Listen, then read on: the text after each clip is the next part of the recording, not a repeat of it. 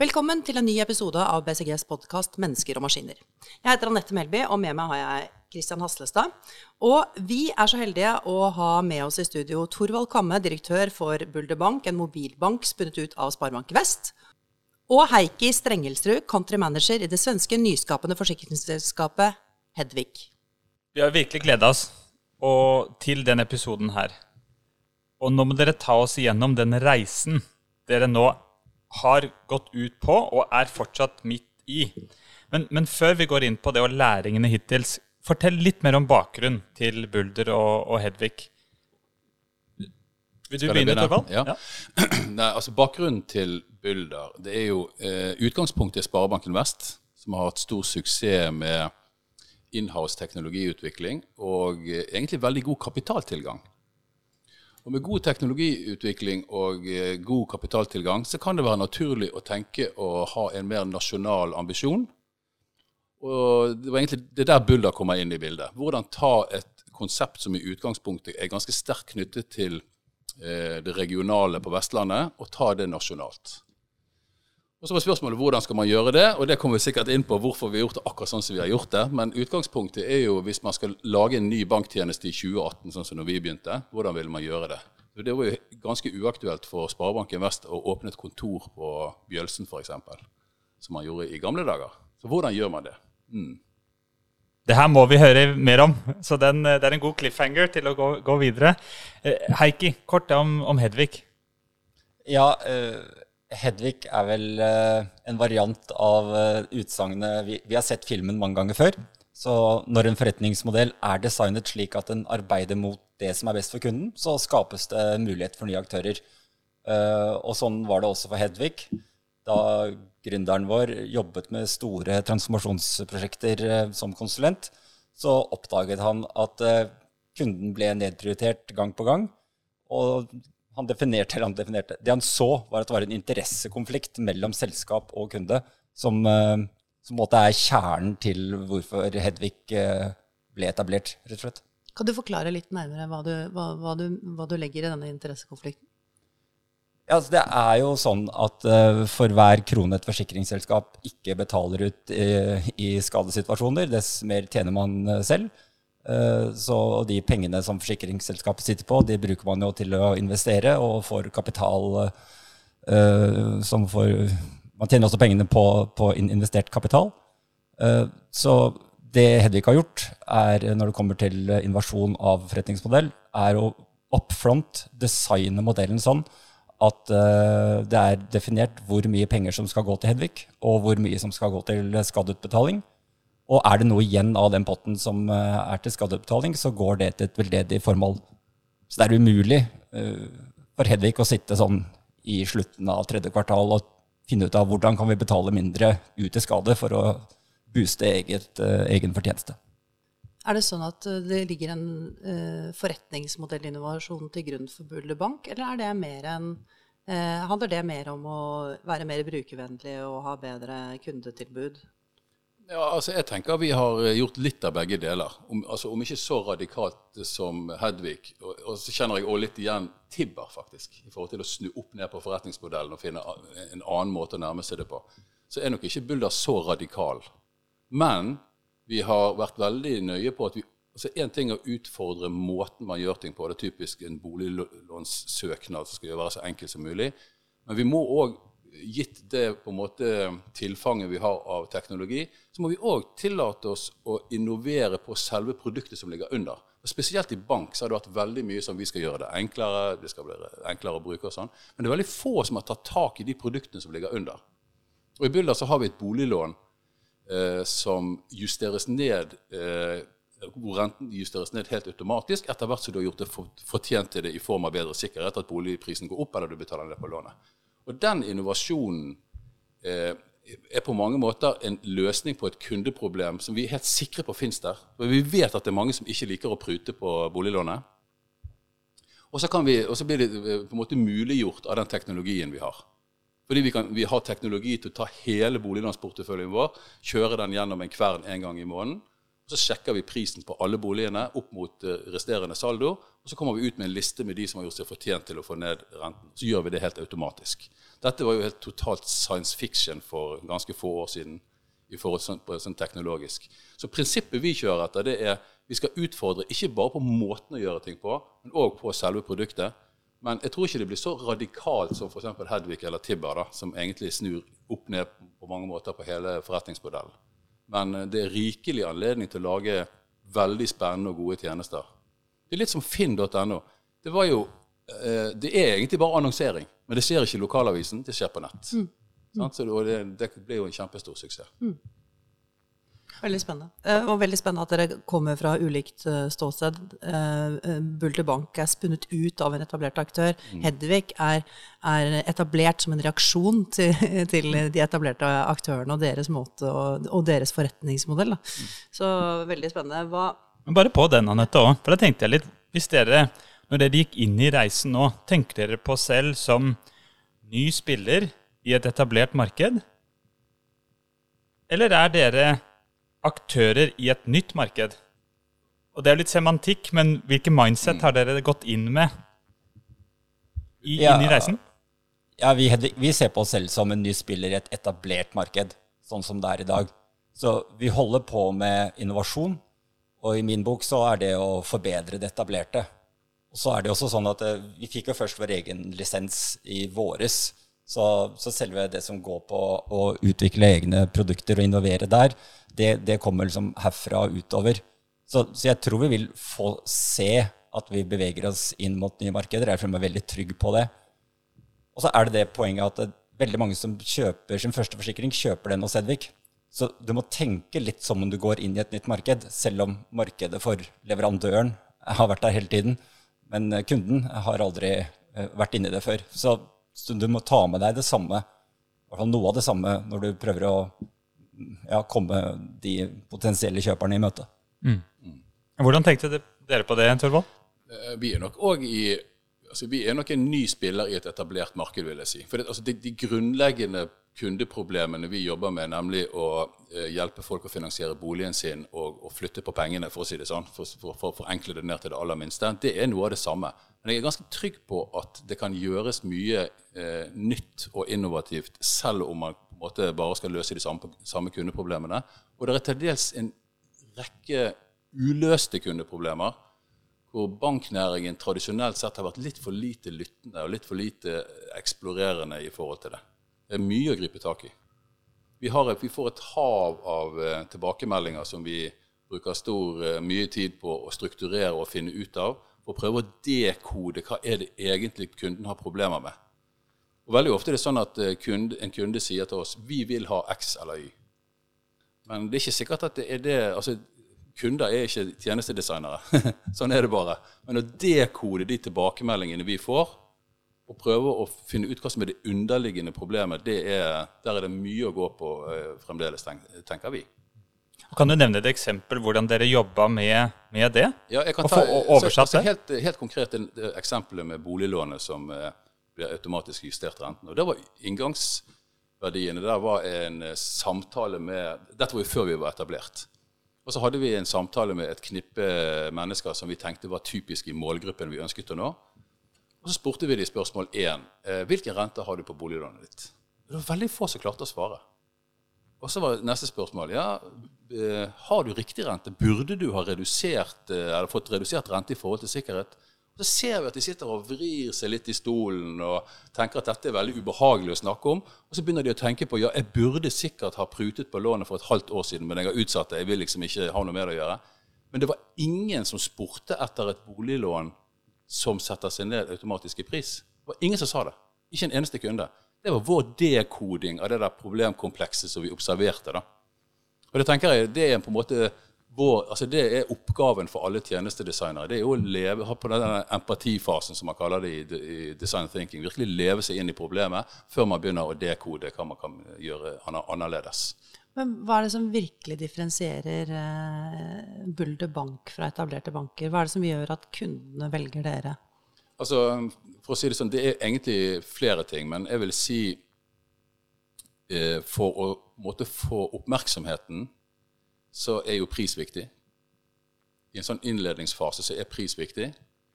Eh, så vi har egentlig automatisert i så stor grad som det er overhodet mulig i bank for å få ned kostnadene. Vi skal ikke ha massevis av rådgivere som sitter og saksbehandler.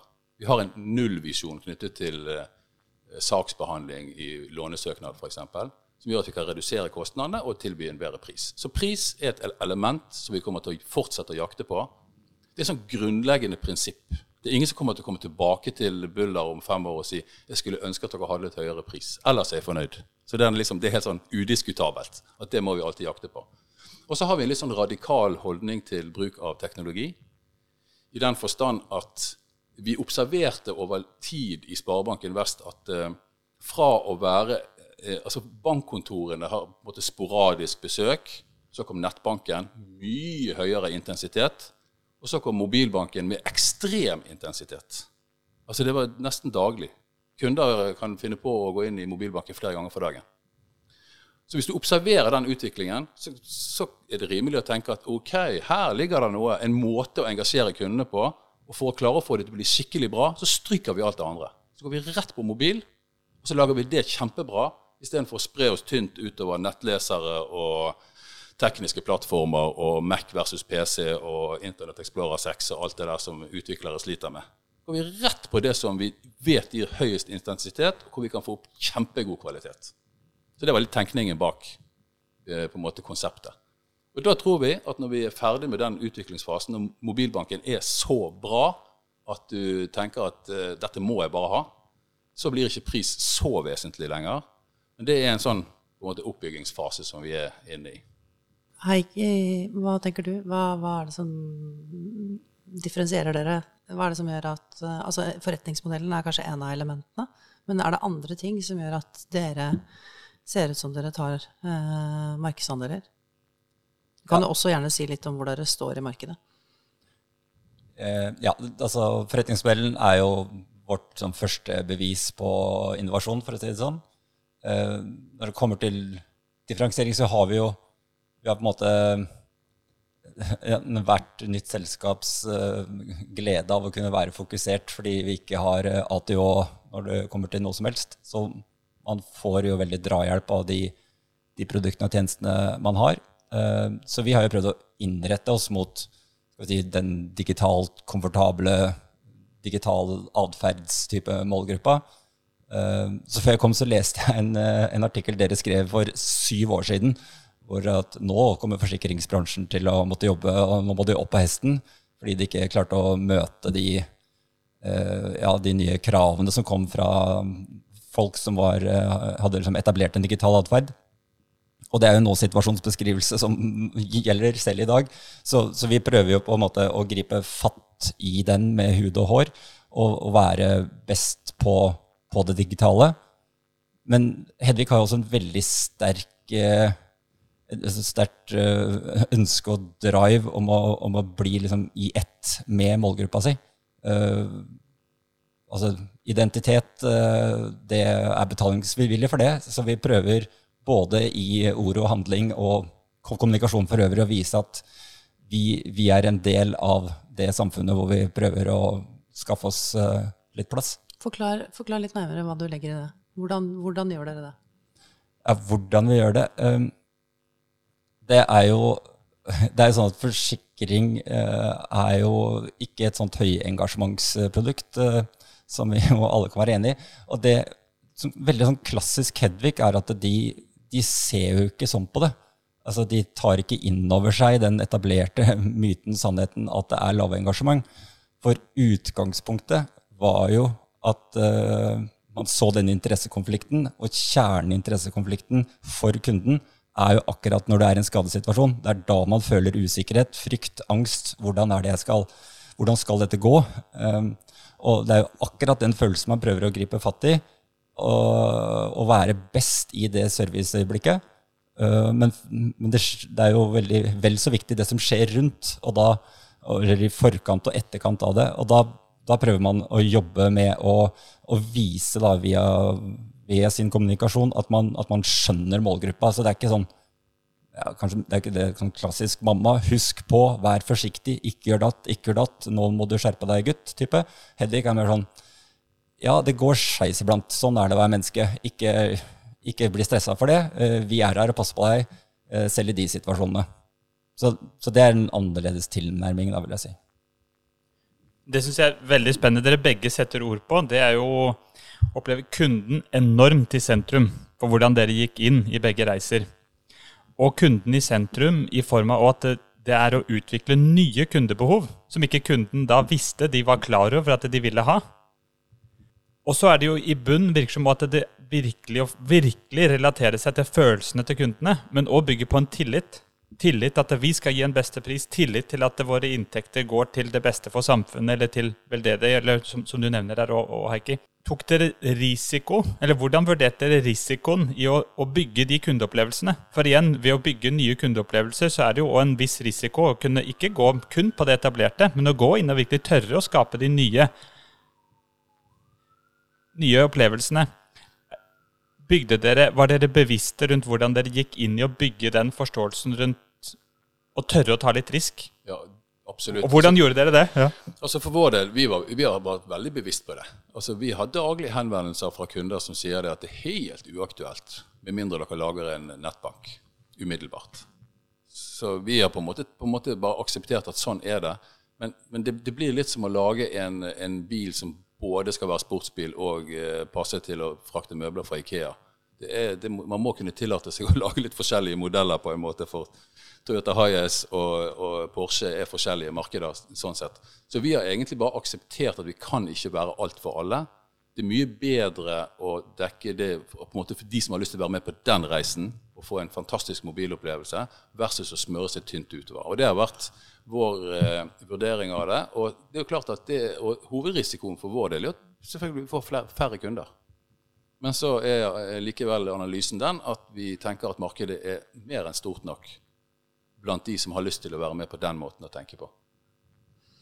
Jeg opplever at, at eh, på på, dere velger jo bort dere er jo ganske tydelige i verdiforslaget begge to, og, og velger bevisst bort uh, målgrupper for å bli enda mer spisse i det det dere tilbyr.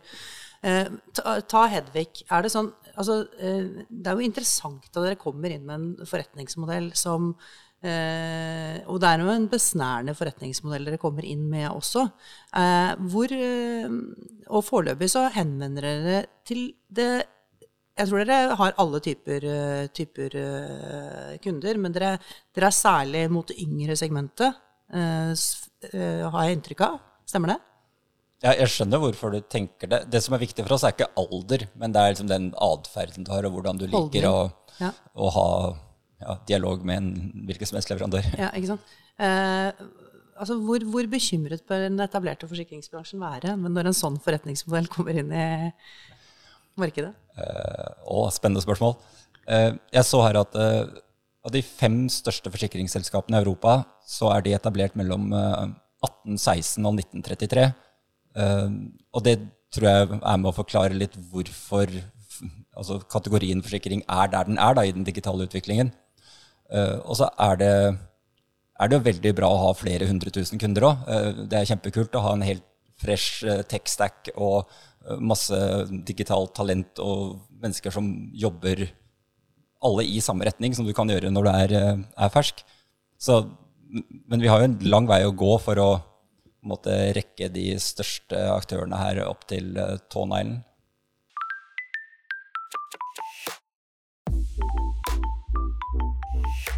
I hvilken grad klarer, klarer dere å, i, å, bringe læring fra Bulder Bank inn i eh, Sparebank Vest? Er det tette skott, eller er, det, dere, dere, er dere bevisst den læringsreisen dere gjør, og, og bringer den inn til morselskapet? For å si det sånn, når vi etablerte Bulder Bank, så var det på en måte en av hovedpilarene. Å måtte søke å ta ut synergieffekter mellom den nye utfordreren som gjør ting på en litt ny måte, og det etablerte miljøet eh, som òg er veldig oppe å gå, men at på en måte få til denne synergieffekten mellom de to miljøene, det har vært et uttalt mål egentlig fra dag én. Og, og sånn Buller er satt opp på, da, bare for å forklare litt om det, så er det Vi har noen områder som vi har full autonomi til å styre, som går på produktutvikling, som går på design, som går på eh, vår egen kundesupport, vi har vår egen IT-utvikling. Eh, men IT-utviklingen vår er mer knyttet til det som møter kunden. Så konsumerer vi API-er som blir levert av Sparebanken Vest. Så Sparebanken Vest sitt IT-miljø støtter oss og gir oss adgang til de underliggende systemene. Og så er det vår jobb å måte, ta det ut eh, mot kundene. Og så støtter vi oss òg på fagavdelinger i, i Sparebanken Vest, som f.eks. juridisk risiko og en del andre sånn banktekniske fagdisipliner. Eh, og på den måten så har vi både et veldig tett samarbeid, men vi har òg en veldig autonomi og en, et, et, oppdrag og et mandat til å gjøre ting på en, på en, annen måte. Det ligger på en måte i hele oppgaven. Spennende å høre om, mer om teknologi fra dere begge, men å følge litt eh, med det sporet du nevnte der. Eh, hvordan jobber dere da f.eks. med produktutvikling eller òg kundeopplevelsene, og dele erfaringer tilbake til Sparebanken Vest? Jo, altså eh, det, både, altså det, skjer både strukturert og ustrukturert, vil jeg si. Um, fordi at vi, altså vi har arenaer vi møtes på for å utveksle erfaringer osv. Men vi har såpass mye tett samarbeid i hverdagen at det der flyter egentlig ganske naturlig. Uh, så, Dere er samlokalisert, ja, f.eks.? Ja, ja vi, vi, altså vi, sitter i et eget lokale, men i Sparebanken Vest sitt bygg. Så vi har egentlig ganske tett kontakt med, med opphavet sånn sett det ligner jo litt på hvordan Skipsted også har håndtert disrupsjon, egentlig, og hvordan Skipsted har skilt ut selskap etter selskap for å gi det autonomi. Jeg ledet selv et selskap hvor mandatet var det var et mobilselskap i Aftenposten hvor mandatet var eh, du skal eh, lage eh, genuint mobile brukeropplevelser. Du skal ignorere byråkratiet i resten av organisasjonen, og du skal speede. Eh, og samtidig dele inn i organisasjonen. Men eh, jeg syns det er interessant, for vi ser jo ikke så veldig mange selskaper som tenker sånn, og som gjør det. Eh, og når jeg hører deg, så, så, så tenker jeg at, at, at, Sparebank Vest fort kan komme til innsikter raskere da, ved å, ha, å, å, å velge en sånn modell, enn ved å bare innovere innenfor kjernen. Ja, og, så, og, tenk, og det tror jeg du har helt rett i. Og så tror jeg det er noen sånn helt sånn klare forutsetninger som jeg antar sikkert du har observert i Skipsted òg. Altså, altså for å si det sånn, teknologi og kapital blir ikke automatisk til nye, fine tjenester. Du må ha noen flere komponenter. Og jeg tror det viktigste komponenten i tillegg til det, det er å ha de helt rette menneskene med til å, til å bygge. Mm.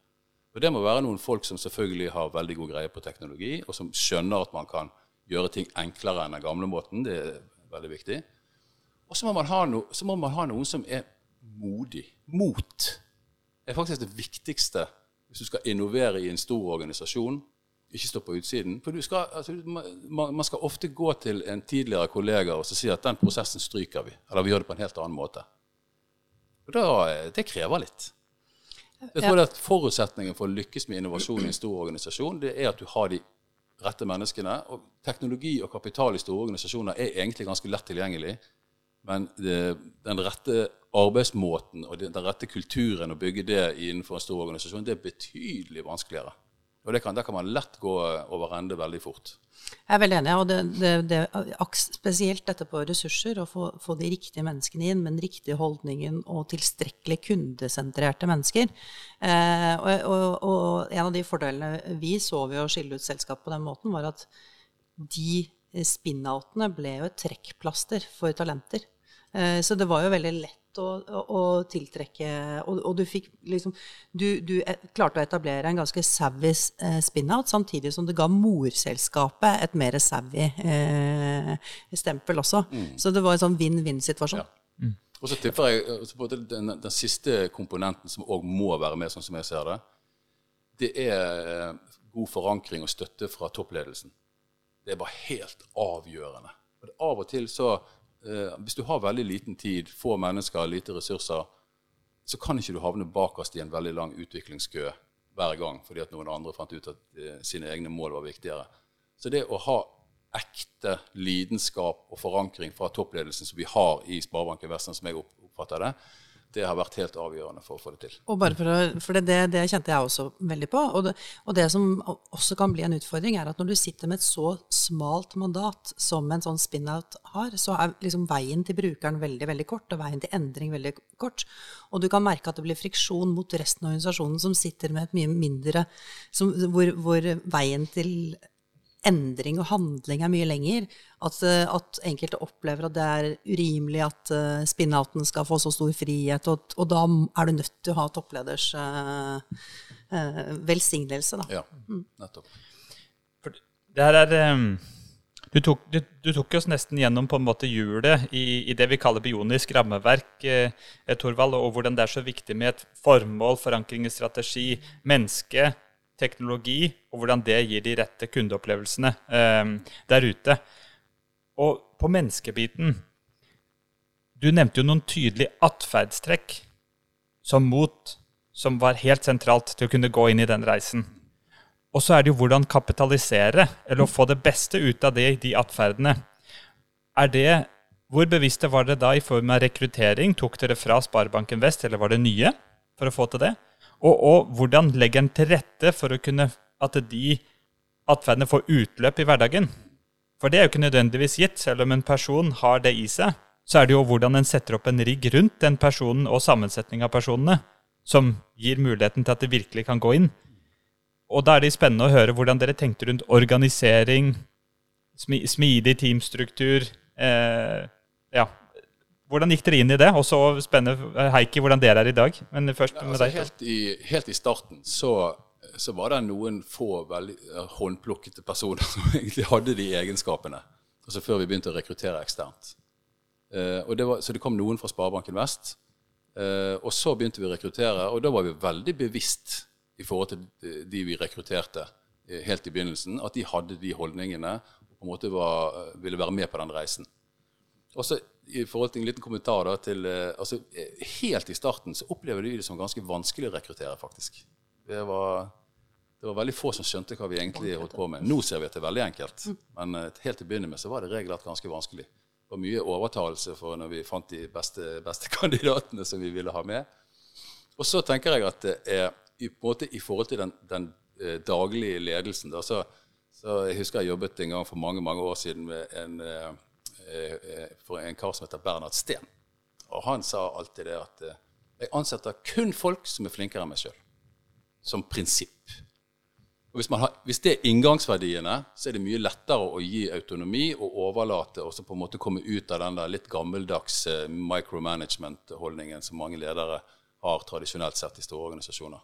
Så jeg er veldig opptatt av at de, tar du på deg et, et ansvar, så skal du òg få et mandat. Ansvar uten mandat er det verste som fins. Du får et ansvar, du får et mandat, og så skal jeg være støttespiller så godt jeg kan. Men jeg skal ikke være noe micromanager. Og det er det vi egentlig jakter på i Bulder hele tiden.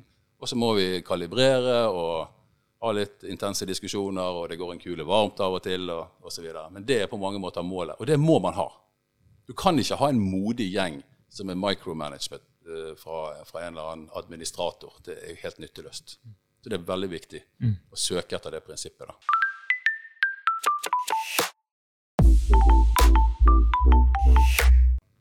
Og så En ting jeg lurer på, da tilbake til hvor viktig dere nevnte kundene var. Organiserer dere også i henhold til kundereisen? Eller har dere mer funksjonelle, funksjonell organisering? Eh, både, både, ja og nei. Altså, vi, har, vi har noen som er funksjonelt, men vi har òg eh, til dels organisering i kundereisen. Vi har et eh, låneteam, f.eks., som er et tverrfaglig team som består både av utviklere, en, en eh, produktsjef og en representant for rådgiverne. Så det er egentlig tverrfaglig. Og det er jo egentlig organisert ut ifra kundereisen søke et boliglån, vil jeg si. Eh, og, og hele den der operasjonen med å få kundens stemme inn i de tekniske diskusjonene da via en rådgiver som snakker med kundene hver eneste dag, det har vært en veldig stor gevinst. Og Da har man egentlig da har man en sånn temperaturmåler i hver eneste standup, i hver eneste prioriteringsdiskusjon. Hva er, hva er, det neste vi må løse? Og så har man hele tiden den stemmen eh, med seg. Er, hvordan har dere løst det, eller satt opp i dag, Heikki? Altså, Utgangspunktet for alt Hedvig gjør, egentlig, er, er sånn der laserfokus på den skadesituasjonen. Eh, så det gjennomsyrer egentlig alt.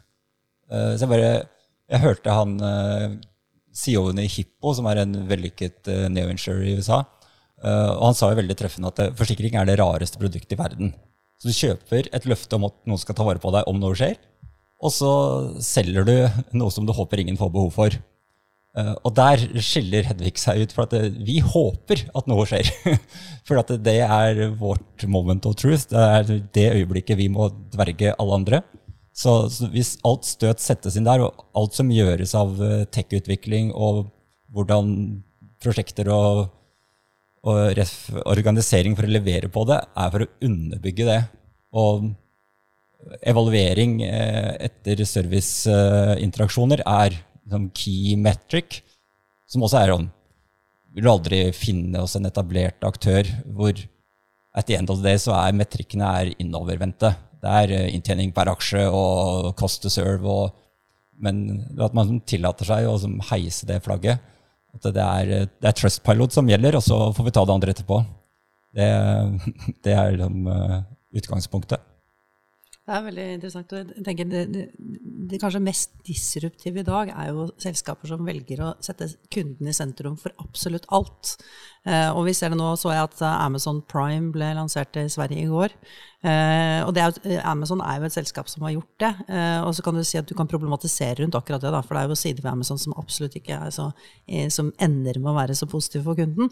Men, men, men, det er veldig mye, de er veldig opptatt av at alt skal være friksjonsfritt, at det skal være enkelt osv. Og, og, og enkelhet, det er vel kanskje de to, forsikringsbransjen og bankens uh, største utfordring. Den opplevelsen av at jeg kommer dit, og dette er enkelt og smidig. Og jeg så jo nå f.eks. at når, når, det har vært diskusjoner om DNBs oppkjøp av Skandiabanken, så leste jeg at det er veldig mange som jeg vet ikke om det stemmer, om du kan bekrefte det, men som dere, dere opplever en, at, at, en del kunder flyt, flytter fra Skandiabanken mm. til Bulder Bank. Det gjør vi. Det opplever vi i høyeste grad. Ja, mm. og, og, det, og, jeg tror flere banker opplever det, men, men dere opplever det ganske mye. og, og og det er jo naturlig å tenke da at Skandiabanken er en veldig digital bank, og de søker etter Det er jo ikke digitale banker som sådan de søker etter. Det er jo enkelheten som de gode digitale bankene kan tilby, eh, som kundene sannsynligvis søker etter.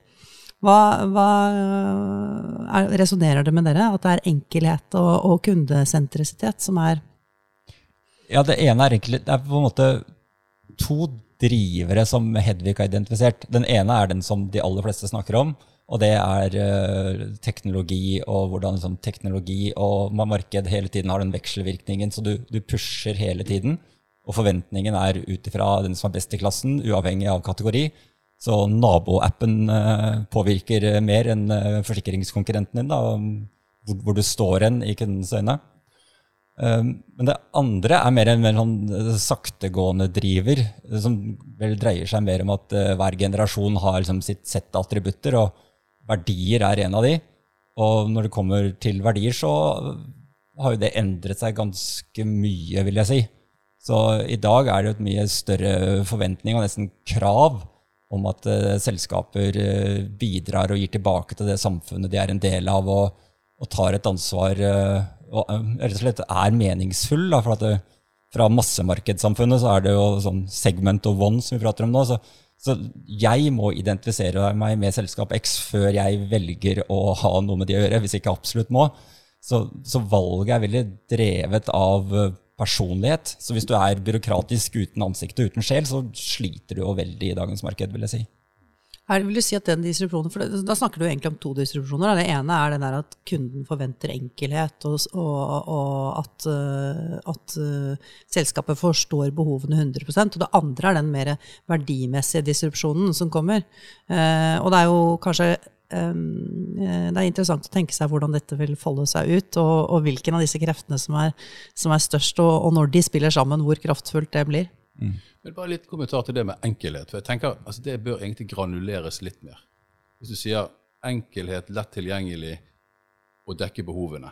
Så, så jeg, jeg, tenker det er egentlig to distinkte nivåer der. på en måte. Du har altså teknologien muliggjør å bygge enkelhet, men ikke bare i forhold til bruk og vedlikehold og tilgjengelighet på mobil eller på nett, men òg på selve produktet.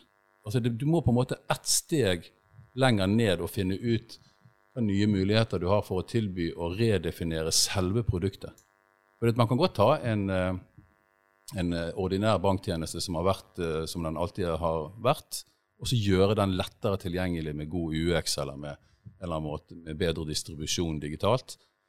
Men det som egentlig er den store oppgaven i bank, det er jo å forstå hva teknologien bidrar med muligheter for å gjøre, måte, lage nye produkter, for å sette de sammen på en bedre måte, som gjør at det blir enkelhet òg i selve produktdimensjonen. Og Der ja. tenker jeg det har vært litt sånn jeg, jeg, mener vi har sett ganske lite av det, altså. Men, det er på tide at noen gjør det. Og, og, og du, egentlig ikke bare i produktet, men også i forretningsmodellen. fordi Se nå hvordan as a service-forretningsmodeller kommer frem. Se på hvordan, hvordan eh, med Amazon Prime, da, hvor, hvordan man ikke gjør, gjør, handel til en engangstransaksjon, men en, en, en pågående transaksjon over uh, uh, så, så, jeg er helt enig i at det er flere dimensjoner av enkelheten. Ja. Og, og den UX-enkelheten den holder på en måte ikke. Eh, du må, du må gå mye dypere for å, for å, levere på de forventningene. UX-enkelheten er veldig viktig i den forstand at det er, på, det, er på, det er, mer et håndverk. Mens den produktinnovasjonen, eller det, det å definere, redefinere selve produktet, det er egentlig et, et, et annet type håndverk, for å si det sånn. Mens den der, akkurat å gjøre ting enkelt, det er det er viktig, men det er, en, det er, to forskjellige oppgaver, vil jeg si. Ja, Det er en veldig spennende tanke, det du nevner der. Og du må gå ned til produktforenkling for å kunne virkelig trekke det helt igjennom. Og når dere gikk inn i den teknologi og den stacken dere måtte ha for å tilgjengeliggjøre mm. de kundereisene som dere nå snakker, med et forenkla produkt, var det ferdig konseptualisert og gjennomtenkt den produktforenklingen i forkant, før dere gikk inn da i en hva kreves nå av kapabilitet og systemsidestøtte for å muliggjøre det? Eller var det en iterativ prosess? Så dere hev dere litt på det som var tilgjengelig fra Sparebanken Vest, og så gikk dere inn, og det var en gradvis Eller var det noe med at dere venta litt til launch før dere kunne hadde hatt alle de gode forenklingsdiskusjonene og, og gikk inn? For å si det sånn, det har vært en lang og smertefull vei. Ja. Fordi at uh, Selve konseptet det hadde vi veldig klart, altså med boliglånet som skal skru seg ned i pris. Uh, men vi hadde de systemene vi hadde. Vi hadde forferdelig liten tid. Vi skulle være på luften. Vi, vi hadde de første skarpe kundene inne i løsningen etter ni måneder.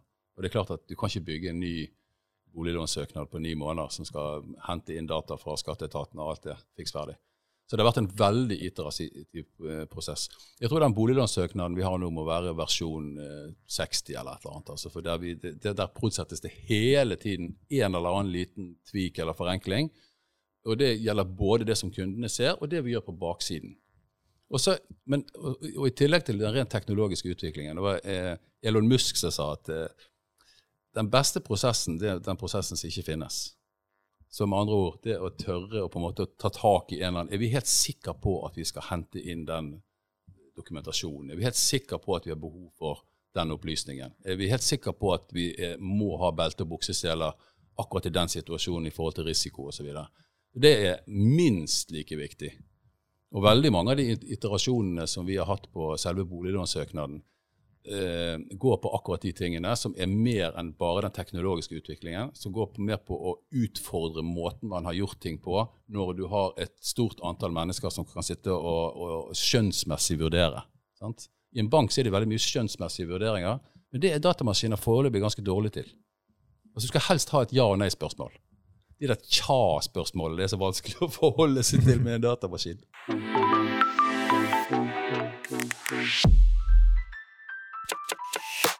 Det er jo ganske store og strenge regulatoriske krav i deres bransjer. Hvordan dere, dere har, har, håndtert det? For det i seg selv vil jeg tro er jo en veldig krevende øvelse for å holde oppe med innovasjonstakten. Ja, altså Vi har jo en stor compliance-avdeling i Sparebanken Vest. Og Der har vi helt jevnlige møter hvor alt som vi er det minste i tvil om er i henhold til uh, gjeldende lover og regler, skal innom der for en vurdering. Så det er, og det er helt avgjørende, spesielt i bank. Og vi har argusøyne på absolutt alt vi gjør. Det må jo være den mest gjennomregulerte bransjen som fins, i tillegg til forsikring. ja. Veldig nysgjerrig på å høre Ja. compliance-enheten Hedvig. Henvig. Ja. Jeg, jeg tror det er drøyere i bank enn i forsikring, i hvert fall i selve liksom, låneøyeblikket versus å bli kunde. Um, så, så vi har jo jobbet veldig med å skrelle ned selve den bli kunde-prosessen. Så hvis du går inn der, så er det mye kjappere. Og samme også bare et lite innstikk på det med å gjøre det enkelt. Da. Sånn, øh, det som er etablert seg, er jo sånn type Vil du ha forsikring som er sånn passe? Vil du ha forsikring som er sånn medium pluss? Eller vil du ha superfantastisk premium? Og så får du en svær tabell med noe kryss og haker, liksom, og så skal du Det er akkurat bestemt deg for at du skal kjøpe, og så får du et gigaproblem i fleisen, og du skal sitte og finne ut av hvilken personlighet har jeg eller atferd ref dette skjemaet. Så, så vi har én forsikring. Altså én husforsikring. Den er, den er veldig, veldig bra. Og hvis du skal ha husforsikring, så kan du føle deg trygg på at denne her er god. Så det er det ene. Når det gjelder compliance, så øh, kjenner jeg ikke compliance-avdelingen til Hedvig så godt ennå. Tross alt ikke vært der så lenge. Men, men det jeg har fått med meg, er at øh, når det kommer til å være compliant, så har man fått øh, mye hjelp fra å, å ha bygd opp øh, tekstakken fra bunnen av, med de som har mer erfaring fra andre forsikringsselskaper. Så, så det for eksempel, hvis det kommer en kunde som uh, sier at nå vil jeg ha slettet all min data, så går det jo historier om at det tok en uke i mitt forrige selskap, eh, fordi det var eh, lagret litt både her og der, en skuff eh, oppe til venstre og en bøtte nede til høyre. Men, men her er, har man klart å ved bruk av microservices og god datastruktur ved et tastetrykk, så, så har vi dataen, men vi har fjernet personinformasjonen. Så så, så det er mye å hente, tror jeg, akkurat på compliance uh, og som kostnader og ressursbruk knyttet til det, da, ved å, ved å gå inn i det, ved å se på liksom, de mulighetene som ligger i tech. For jeg bare synes Det som er spennende, som dere begge setter ord på eh, Takten på muliggjørerne, eller forutsetningene for å kunne få produkten ut i marked, må være der i takt med den endringsmotoren dere har på p- kundeinnovasjon, opplevelse og produktforenkling, som dere satte ord på, og hvor viktig det er å tenke helheten der. Eh, Jeg synes bare på, på tech-biten eh, Hvordan gikk dere inn i egenutvikling versus kjøp av etablerte løsninger på markedet? Det, det der er en enormt vanskelig diskusjon. For det, altså, I banknæringen så er det jo et rikholdig utvalg av standardløsninger, egentlig for uansett hva du ønsker å, på, på hvilken måte du ønsker å, å betjene kundene. Og så, og så har du den diskusjonen med egenutvikling og forvaltning av det du utvikler, versus å kjøpe en standardløsning med de begrensningene det gir. Så å finne den balansen er utrolig vanskelig. Men vi har eh, egentlig definert det hva skal vi si, utenifra og inn. Altså i betydningen vi begynner med kundebehovet, alt som har med måten vi ønsker å betjene kundene på. Og så eh, jobber vi oss innover inntil vi ser at her er det helt naturlig å, å finne en eller annen standardløsning for reskonto eller for dokumentproduksjon eller et eller annet som, kun, som vi egentlig ikke kan verdiøke på noen som helst måte. Altså, det er ikke noe poeng for oss å, å, å, å ha et eh, toårsprosjekt på å lage en ny reskonto, f.eks. For eksempel, fordi det er det er ikke noe vi kan verken verdiøke eller som kundene ser, eller ting som helst. Så finne det der skjæringspunktet der, da, det er veldig avgjørende, spesielt for økonomien på lang sikt. Og ikke minst for, for hurtigheten i prosjektet. Men det er en sånn ongoing diskusjon hvor den streken skal settes. Det er akkurat det. Men, men hører jeg det òg da eh, riktig at det, den spisse enden mot kunde ønsker dere å eie selv? Det er vi lidenskapelig opptatt av. Ja, Det og er der vil dere virkelig veldig viktig for oss. For mange av de standardløsningene, spesielt i bank, da, så er det jo flere standardløsninger, f.eks. For, for mobilbank. Og dilemmaet der, selv om det er ekstremt flinke folk i leverandørene av standardløsninger, så blir avstanden for stor til de menneskene som egentlig skal bruke den løsningen. Og kundene er, altså Brukerne er kundene i bankene, da, eksempel. Mens beslutningstagerne om man skal bruke den løsningen, det er jo banksjefene som sitter rundt omkring og, og, og bestemmer seg for hvilken løsning man skal velge. Og Der er det en sånn mismatch. Jeg tror det at For å lage en virkelig god digital løsning, så må du være voldsomt tett på brukerne dine. Du må virkelig få taket på det som virker, og det som ikke virker. Og så er det en sånn liten tue velter stort lass. Det kan være en veldig liten ting som er ekstremt irriterende med en app eller en digital løsning. Og da blir avstanden altfor stor fra den veldig irriterende, veldig lille tingen via banksjefen som har kjøpt løsningen, helt tilbake til det miljøet som laget løsningen en gang for lenge siden. Så det, vi er veldig opptatt av det der, at det skal være så tett mellom kunde og utvikler at du kan fikse det på en dag. Ja, Du kan, du kan nesten ikke være brukersentrert uh, og uh, ha satt bort fronten til noen andre. Det, for du er nødt til å kunne agere uh, på kundebehovene mye raskere hvis du skal også levere på kundesentristhet. Ja, hvordan Jeg kjenner meg igjen i veldig det jeg hører her. Så fordi service er ikke noe vi gjør, men det er noe vi er, så er jo der legger vi masse ressurser i å utvikle noe selv. Sånn at, og særlig fordi vi har per i dag så er det menneskelig kontakt. Det er ikke noe robot når du kommer til skade. Men det er selvsagt masse tech bak som hjelper til, fordi du må lese inn skaden din. Så det er liksom en transkribering av det som eh, har blitt lest inn, som hjelper å sette det i riktig kø og forventningsstyre den som skal behandle saken, og gi indikasjoner på hva dette dreier seg om, og liksom få en liten sånn mental uh, reset før du går inn i en ny sak. Um, så, så, så, der bygges det mye som er unikt for oss. Men så lenge det finnes bra hyllevare, så gjelder det å få, få koblet det sammen. Så vi har ikke bygget noen ny skyløsning, det er Amazon som benyttes, selvsagt. Så dess nærmere, nærmere med medlemmene våre, dess eh, større grad av eh, skreddersøm og egenutvikling. Kan du si litt mer om, om denne grensesnittet, eller, eller, balansen mellom menneske og maskin. Vi snakker jo, vi snakker, vi bruker, jeg vet ikke, Kristian nevnte det bioniske i sted, men, men eh, BCG snakker jo om, om fremtidens selskap som bioniske, og at teknologi og mennesker smelter sammen, og at måten teknologien er satt opp i et uh, selskap, ses ikke uavhengig av hvordan menneskedelen er satt opp. Teknologien er satt opp modulær og fleksibel og agil. Og Organisasjonen er satt opp agilt for å matche og for å få den tempoet du trenger, og for å, for å få de bioniske utfallene eller kundeopplevelsene eh, i andre enden. Eh, det har vært veldig interessant å høre litt, om du kunne gått litt dypere i dette med teknologi hos dere. Hvordan bruker dere teknologi? Bruker dere kunstig intelligens? Når og hvordan bruker dere det? Og hvordan tenker dere rundt mennesket eh, og menneskets rolle og verdiøkning i et selskap som Hedvig? Ja, jeg vil si at så tar det utgangspunkt i mennesket fordi det skal være liksom, empatisk og og, ja, og, det er så mye følelser knyttet til å levere god service. Så, så det er på en måte spissen. Uh, så det er noe vi tenker at vi mennesker er best til, og bedre enn maskiner. Samtidig så er det selvsagt mange områder hvor maskiner er uh, mye bedre enn oss mennesker, så det er bare å innse. Så vi, vi bruker jo masse, kall det AI-modeller, for å, for å gjøre at vi kan levere best mulig men, men menneskelige opplevelser, for å bruke det uttrykket. Um, så, men vi er nok ikke så AI-tunge som man kanskje først tenker. Uh, han ene gründeren er jo data scientist og jobbet med maskinlæring i ti år i akademia før han uh, begynte som konsulent. Så, så, det tankegodset er jo med. Uh, så det er AI i den forstand at det gjøres masse på automatisering. Men akkurat den der finessen som vi er helt avhengig av i, i, i, i kundesituasjonen, den, den gjør vi fortsatt med kjøtt og blod.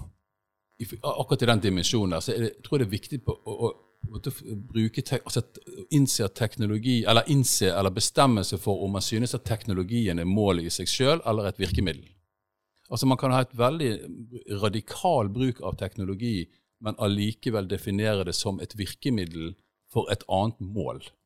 Og Målet vårt er å lage de på en måte løse kundens problemer og være hjelpe- og støttespiller i hverdagen i forhold til bankopplevelsen.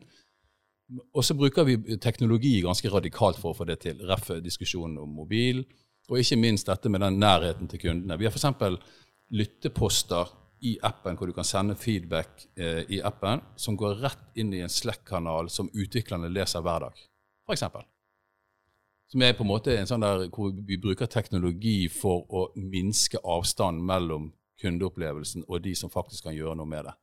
Et annet virkemiddel vi har brukt, det er eh, Vi har en løsning som heter Product Board, så vi sluser alt vi kommer over av tilbakemeldinger inn i én stor database.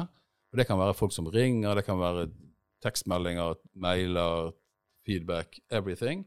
Og Så går det inn i den store databasen, så tar vi de kvalitative tilbakemeldingene og gjør de kvantitative og lesbare for å forstå kundens stemme. Og Det er egentlig eksempler på at ja, eh, eh skal, altså målet vårt er å, å, å, lage den beste tjenesten, og så kan vi bruke ganske radikale tekniske virkemidler for å få det til. Men det er, det kundeopplevelsen og produktet og kunden som er det viktigste, ikke teknologien i seg sjøl. Grunnen til at jeg sier det, det er fordi at i alle store organisasjoner så, så, har alle sin egen agenda. Og noen må holde den fanen veldig høyt.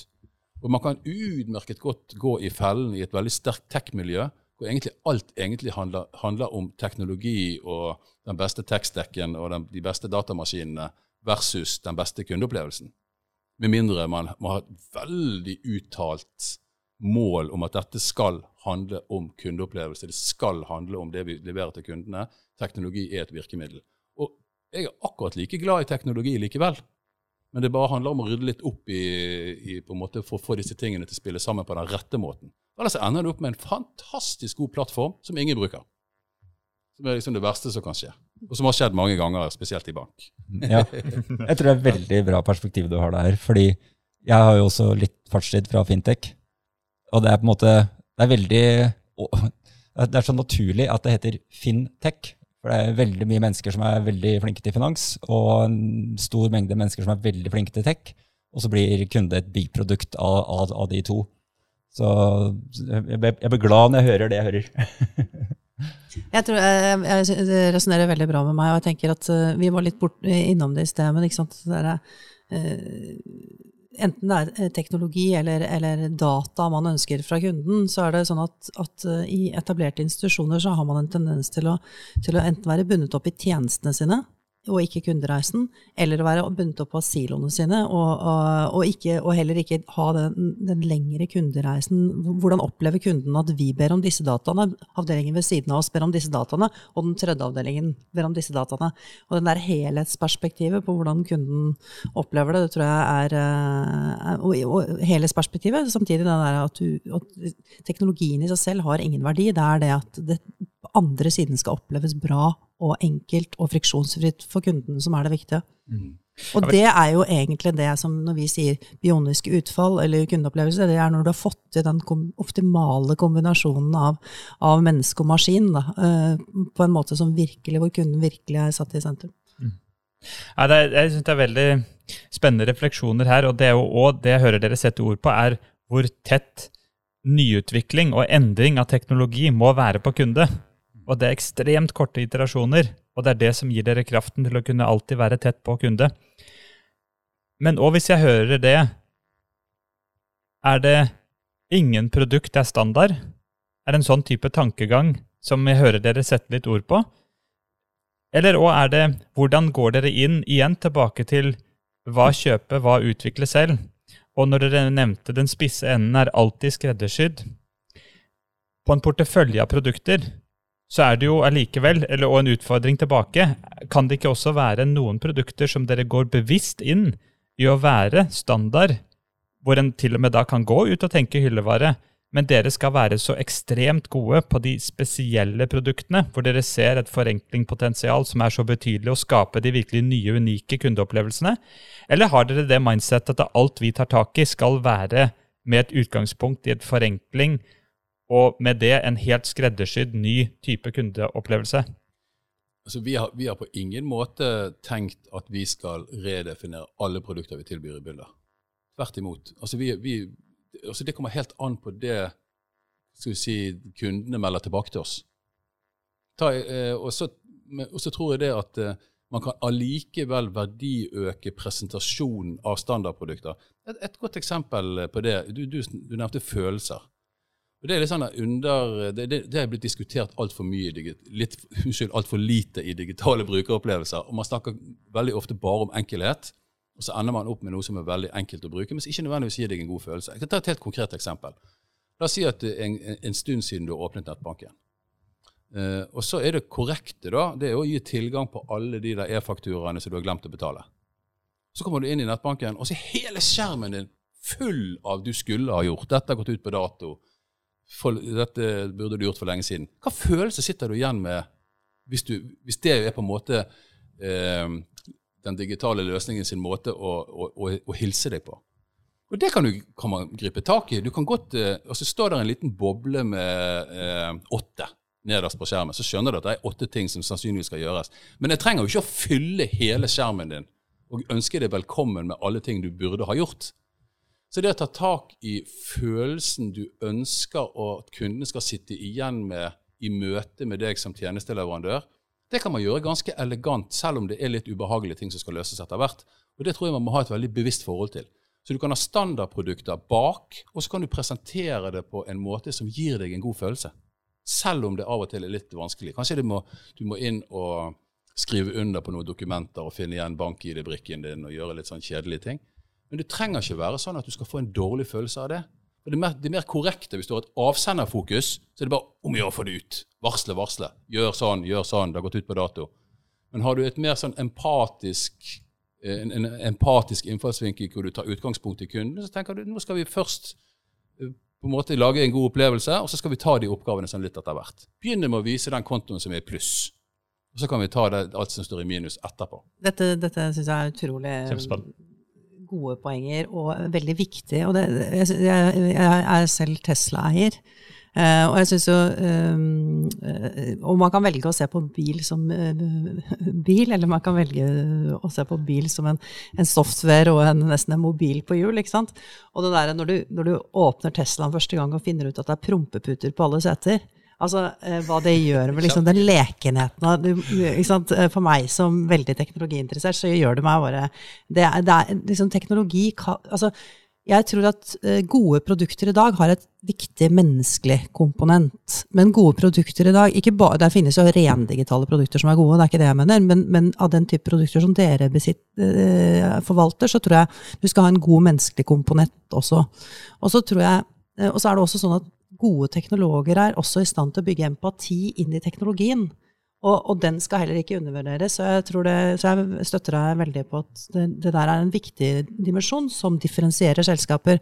Og for å bringe det litt tilbake til noe vi snakket om i sted, nemlig compliance, så er det sånn at en sterk compliance-kultur vil eh, ofte som en ren refleks velge å vise disse fem utestående regningene som du ikke eh, har betalt. Mens, eh, og det er der det er så viktig at man jobber i kryssfunksjonelle team. Da, og mener jeg eh, også at, at, jeg tror at det er veldig vanskelig å være nyvinnende digitale, eh, kundesentrerte fintech-selskaper. og samtidig ha veldig konservative compliance-avdelinger. Mm. Altså jeg tror Det som differensierer de som lager gode brukeropplevelser i dag, det er at de har nytenkende compliance-avdelinger som tør å, tør å, tenke ut av boksen. Jeg vet ikke dere, hva dere tenker om det? Jeg har en liten kommentar til det med compliance. for det, det er jo det er jo på en måte den, det evig tilbakevendende issue, spesielt når man driver med utvikling i bank. Det er det de som på, man definerer som hindringer. Sant? Det kan være risiko, det kan være compliance, det kan være andre funksjoner som man tenker dette er hindringene våre. De tar vi inn senest mulig for å på en måte adressere det helt på slutten.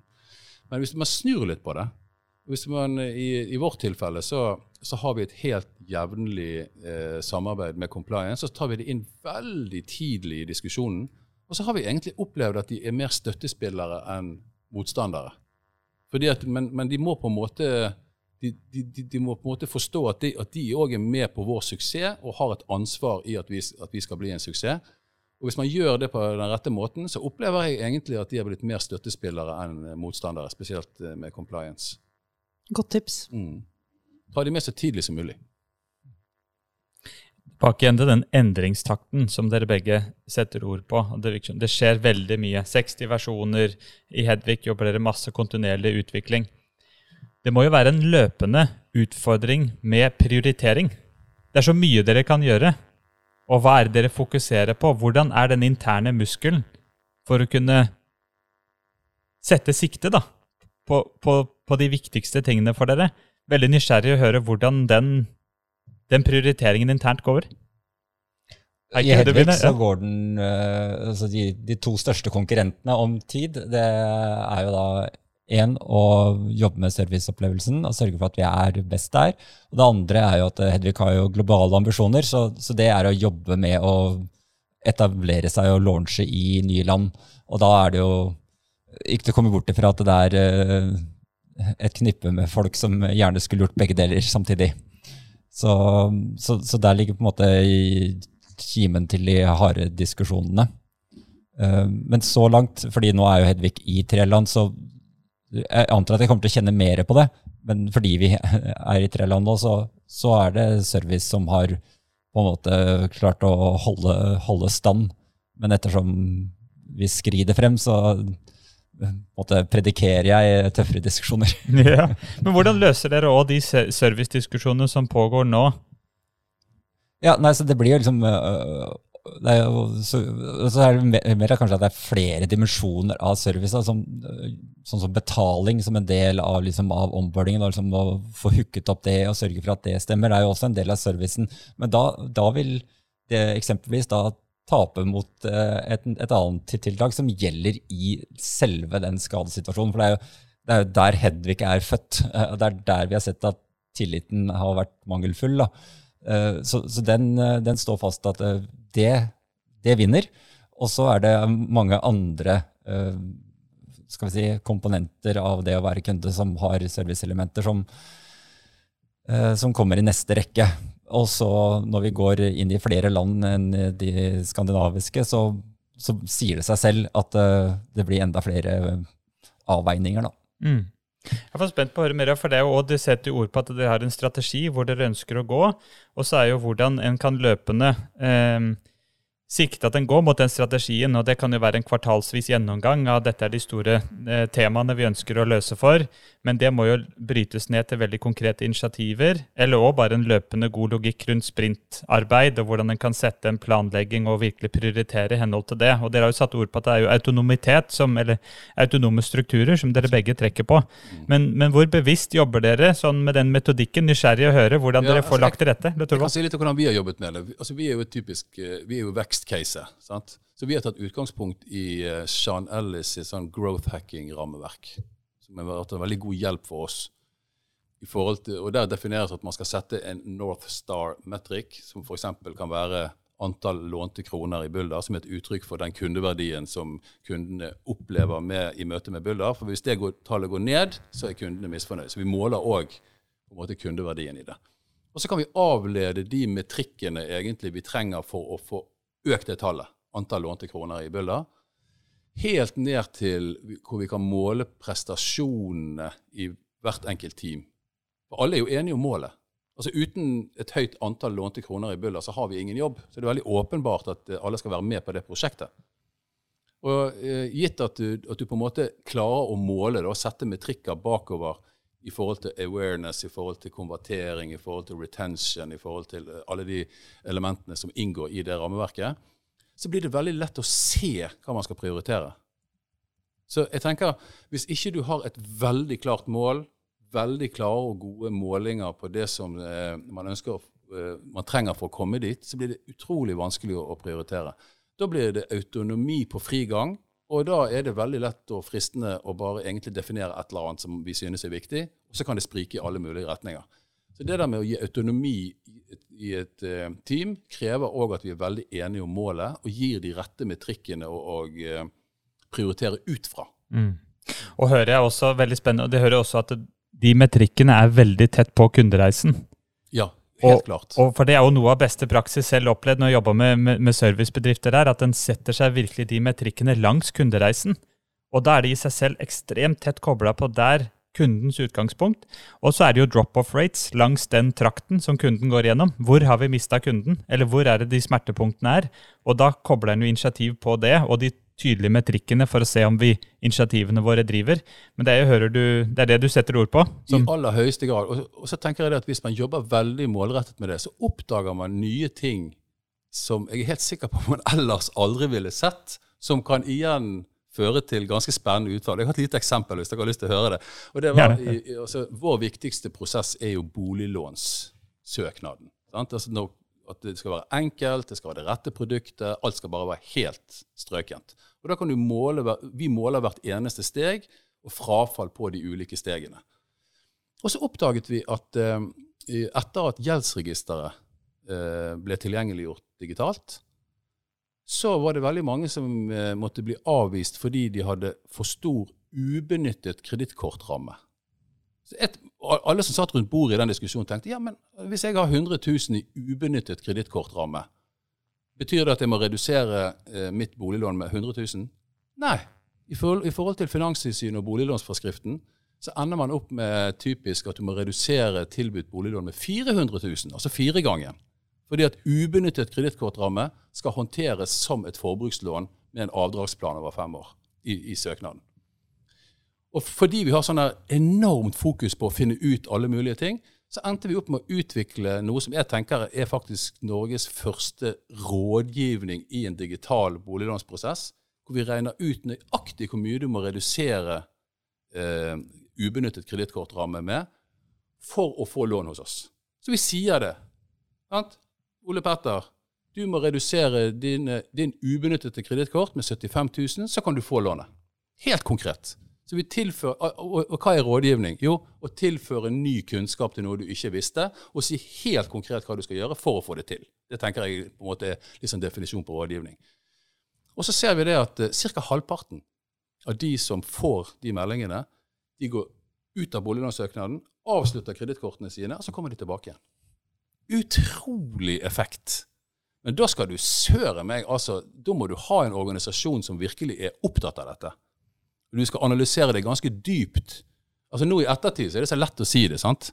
men å finne den sammenhengen der, det er ikke sånn som går seg til av seg sjøl, for å si det på den måten. Det er rett og slett vanskelig, og det krever masse masse detaljert arbeid for å avdekke den type sammenhenger som gjør så du kan dra tilbake som, eh, til kundeverdi i de prosessene man har.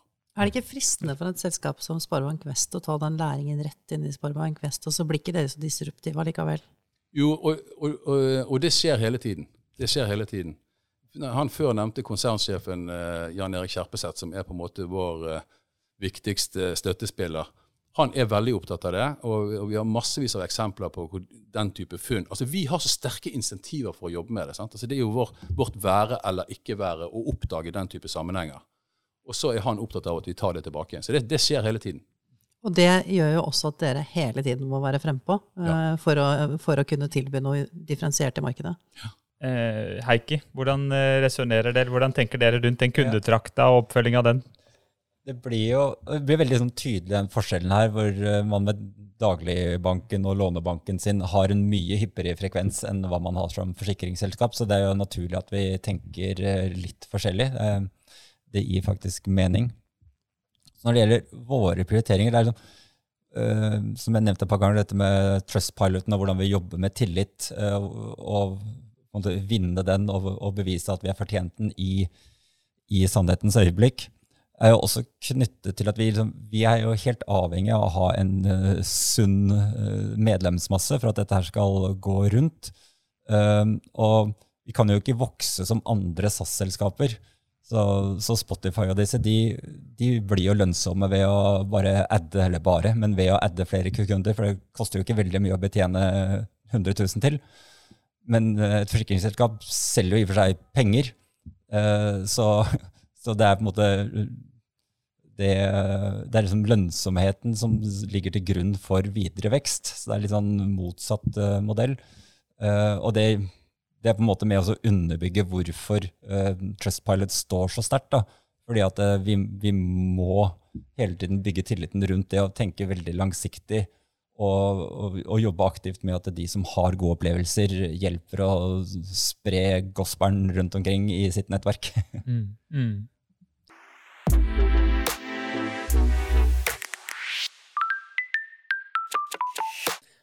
plukke opp da noen, noen ord som dere nevnte nå. Det var jo innovasjon, langsiktighet, North Star eller Nordstjerne.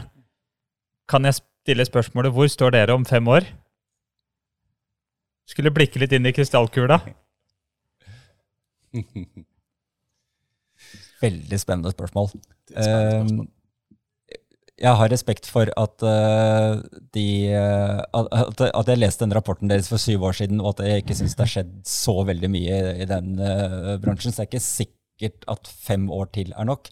Men jeg er villig til å liksom, bette mye på at vi fortsatt er her, og at vi er liksom en markant spiller og på en måte eier, eier de som har den digitale atferden. og jeg eh, tror vi kommer også til å se at det ikke er så toneangivende som i dag i det norske markedet, hvor, hvor det altså å samle alt du har av forsikringsbehov i én pott jeg, jeg, tror det begynner å nærme seg eh, et eller annet moment nå hvor, uh, hvor, hvor du faktisk har en sjanse ved å ved å, å, være god i, eh, i, liksom, i særskilte behov eller i, i en, enkeltvise, og ikke nødvendigvis bare på samlerabattsiden. Uh, så jeg tror uh, ja, ja jeg, jeg, tror vi kommer til å være regne med, men jeg vil ikke si noe om uh, markedsandelsprosenter, sånn, og det vil bare komme og bite deg i halen, tipper jeg. Noen store endringer som ligger foran. Ja, Torvald? Ja, jeg skal eh, ta litt, litt, historikk. da. Altså, når vi etablerte Bulla i slutten av 2018, når vi, vi, begynte, det er ikke veldig lenge siden, så satte vi noen litt sånn crazy goals for satsingen. Og Da sa vi at vi skulle ha 20 000 kunder, og så skulle vi ha 20 milliarder i boliglån på, frem til utgangen av 2021. Uh, eh, og nå viser det seg at vi er nesten i ferd med å nå de målene. Altså Vi har allerede 20 000 kunder, og vi ligger nå på ca. 14,5 milliard i utlån. Og med den veksttakten vi har akkurat nå, så kan det nesten se ut som vi når det målet. Så det har jo ført til at vi er egentlig i gang med en diskusjon hva skal skje de neste årene. Sant? Så det, akkurat den diskusjonen står vi midt oppi nå. Men det vi i alle fall vet, da, eh, det er at det er et marked for den tjenesten vi er i ferd med å etablere. Eh, bankkunder i Norge er villige til å flytte. Nå har vi vært litt sånn preget av eh, noen hendelser, kan man si. Altså, først med korona, da fikk vi et enormt innrykk fordi det ble så mye diskusjon rundt bankbytte knyttet til at eh, sentralbanken satte styringsretten til null. Da var det veldig mange kunder som kom til oss. Og så Før nevnte S-banken eh, versus DNB førte til at vi har fått veldig mange kunder. Og så vil noen si at det var jo flaks, da. At det kom akkurat når det var flaks. Min definisjon av flaks det er du det er forberedelser møter tilfeldigheter.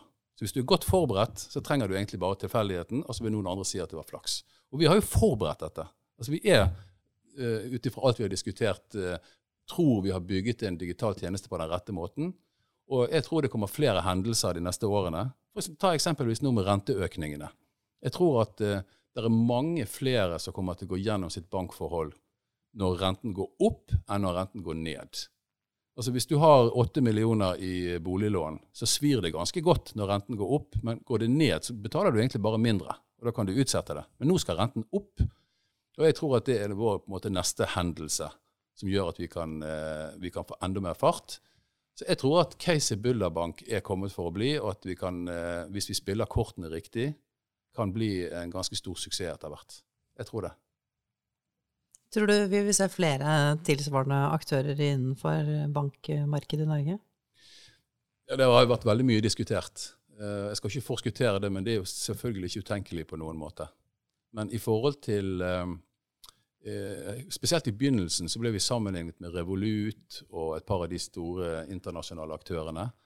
Men der ser vi jo at det er vanskelig å komme utenifra hvis verdiforslaget kun er en enklere app for dagligbank, fordi at eh, de norske mobilbankene er allerede helt utrolig moderne.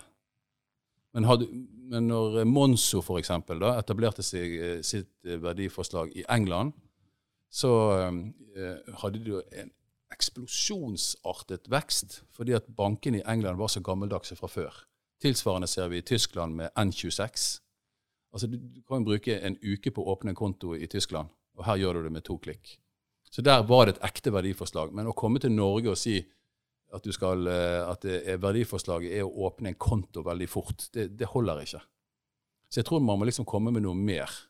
Og enn så lenge så er vi litt usikre på om det er noen andre aktører, i hvert fall av de utenlandske, som kan klare å få opp eh, boliglån som produkt, fordi at eh, eh det er så gjennomregulert, og det er så høye barrierer pga. reguleringen. Men vi er jo alltid litt sånn der eh, paranoid i forhold til konkurransen, sånn som man skal være. så vi våker over det så godt vi kan. Men hva med selskaper som Hedvig, som, eh, som rett og slett snur på forretningsmodellen? Mm. Eh, vil vi se det i bankmarkedet, og vil de komme fra etablerte aktører, eller kommer de fra, fra utfordrerne? Det blir spennende å se. Det, kommer litt som troll av eske når det først kommer. Tibber synes jeg er et veldig godt eksempel. De har, vi, de har vi ganske gode samtaler med, og de er på en måte våre venner. Vi føler et slektskap til Tibber på et vis. Eh, fordi de, gjør, de på en måte henvender seg til markedet mye på samme måten. Eh, men de har jo virkelig snudd helt opp ned på hele forretningsmodellen. De sier vi skal ikke tjene penger på at du bruker strøm, vi skal tjene penger på at du sparer strøm. Så på en måte snu det helt på hodet i forhold til strømselskap, som vi er veldig begeistret for. Eh, jeg ser ikke noen sånn åpenbare eh, ideer i bank knyttet til akkurat det, men det kan godt komme. Og mest sannsynlig så kommer det fra Bulder. Ok. Tusen takk for en veldig, veldig spennende samtale. Vi eh, nærmer oss eh, slutten, og det har vært veldig, eh, veldig, veldig interessant å høre dere begge, og et veldig interessant møte mellom to aktører som kanskje ikke kjente så mye til hverandre. Så vi forventer mye innovasjon og kundesentrisitet fra dere fremover. Det er spennende, Dere driver spennende nybrottsarbeid. Jeg liker på det. Det har Vært en skikkelig eh, morsom start på dagen. Og tusen takk for at dere kom også. Takk, Takk for at dere vi kom. fikk komme.